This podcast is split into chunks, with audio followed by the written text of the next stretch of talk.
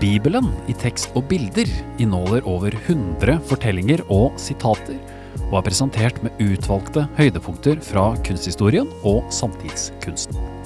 Men boka skiller seg fra en tradisjonell bibel på andre måter også. Teksten er nemlig tilpasset mennesker med demens. Du hører på Boksøkpodden, en podkast fra Lesersøkebok. Dagens boktips er Bibelen i tekst og bilder.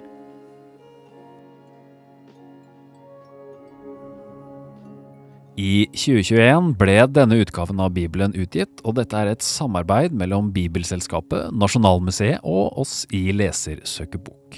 Vi har vært med på å støtte og utvikle denne boka. Bibelfortellingene er bearbeidet og gjenfortalt av forfatter og forteller Anne Kristin Åsmund Tveit. I boka så finner du 101 utvalgte og sentrale bibeltekster presentert side om side med kunst fra Nasjonalmuseets samling. Et bredt utvalg av bilder. Her finner du alt fra eldre kunstnere som Albrecht Dürer og Edvard Munch, til navn fra etterkrigstiden og vår egen tid som Rolf Nesch og Inger Sitter. Så bortsett fra å være vakre kunstverk, så er også bildene valgt ut for å skape refleksjon og assosiasjon, der de står side om side med bibeltekstene. Ja, disse bibeltekstene de er da tilpasset. Vi møter kjente bibelvers i ny form, teksten er nedstrippa og språket er enkelt. Noe som annet setter et eh, mindre forkynnende preg på tekstene, og innholdet trer styrka fram. Jesus gir mat til 5000 fra Lukas evangeliet. Jesus tok disiplene med til et ensomt sted. Der skulle de hvile. Men da folk fikk vite hvor Jesus var, kom de fra alle kanter. Jesus talte til dem. Det ble sent på dagen, og alle var sultne. Disiplene sa, Vi må sende dem fra oss, så de kan få seg mat. Jesus sa, Dere skal gi dem mat. Disiplene svarte, Skal vi kjøpe brød til så mange? Vi har bare fem brød og to fisker. Her er det mer enn 5000 sultne mennesker. Jesus sa at alle skulle sette seg. De slo seg ned i gresset i flokker, noen på 50 og noen på 100. Jesus holdt de fem brødene og de to fiskene. Han så opp mot himmelen og velsignet maten. Så brøt han brødet og fiskene i biter og ga til disiplene. Disiplene delte ut og delte ut. Maten tok ikke slutt i hendene deres.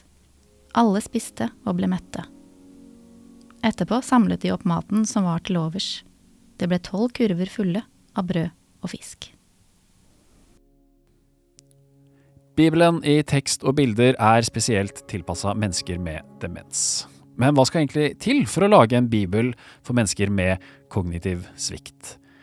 Forfatter Anne Kristin Aasmundtveit jobba tett med Lesersøkebok sin rådgiver Hanna Bovin Bugge i dette prosjektet. De jobba både med språkvalg og dramaturgi. Hanna Bovin Bugge sier følgende om det å lage en bibel for de med kognitiv svikt. Fortellingene følger hovedpersonen tett, i tillegg fortelles historien kronologisk. Vi er så konkrete som mulig, scenen vi beskriver skal være klar, vi forsøker å skape et rom der leseren får være meddikter, derfor så luker vi bort vanskelige ord som hindrer tilgang til selve fortellingen. Dette er også en bibel hvor det er naturlig å lese sammen. Fortellingen skal være tydelig, men beholde rommet for meddiktning. Dette sier da Hanna i et intervju gjort av Bibelselskapet. Samtidig så er dette her en bibel for alle. Bare det å bla i denne vakre boka er en fryd. For ja, dette er en utrolig vakker bok. Det er en bok for de som vil ha en tilgjengelig og helhetlig samling av bibelsitater, fortellinger og storarta kunst. Kjærlighetens høysang fra første korinterbrev. Kjærligheten utholder alt, tror alt, håper alt, tåler alt. Kjærligheten faller aldri bort. Nå ser vi som i et speil i en gåte, da skal vi se ansikt til ansikt. Nå forstår jeg stykkevis, da skal jeg forstå fullt ut, slik Gud kjenner meg fullt ut. Så blir de stående, disse tre, tro, håp og kjærlighet, men størst blant dem er kjærligheten.